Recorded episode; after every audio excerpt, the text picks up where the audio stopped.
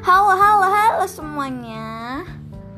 Hari ini gue mau buat podcast tentang bersihin kaca.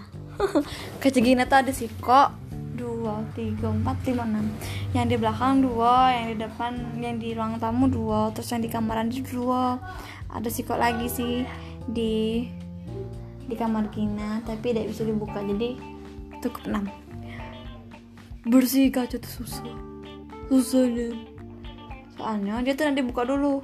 Yang dibersihkan di depan sama dibersihkan ke belakang. Habis pakai kain pel yang kain pel yang basah terus diganti dengan kain kain pel yang kering.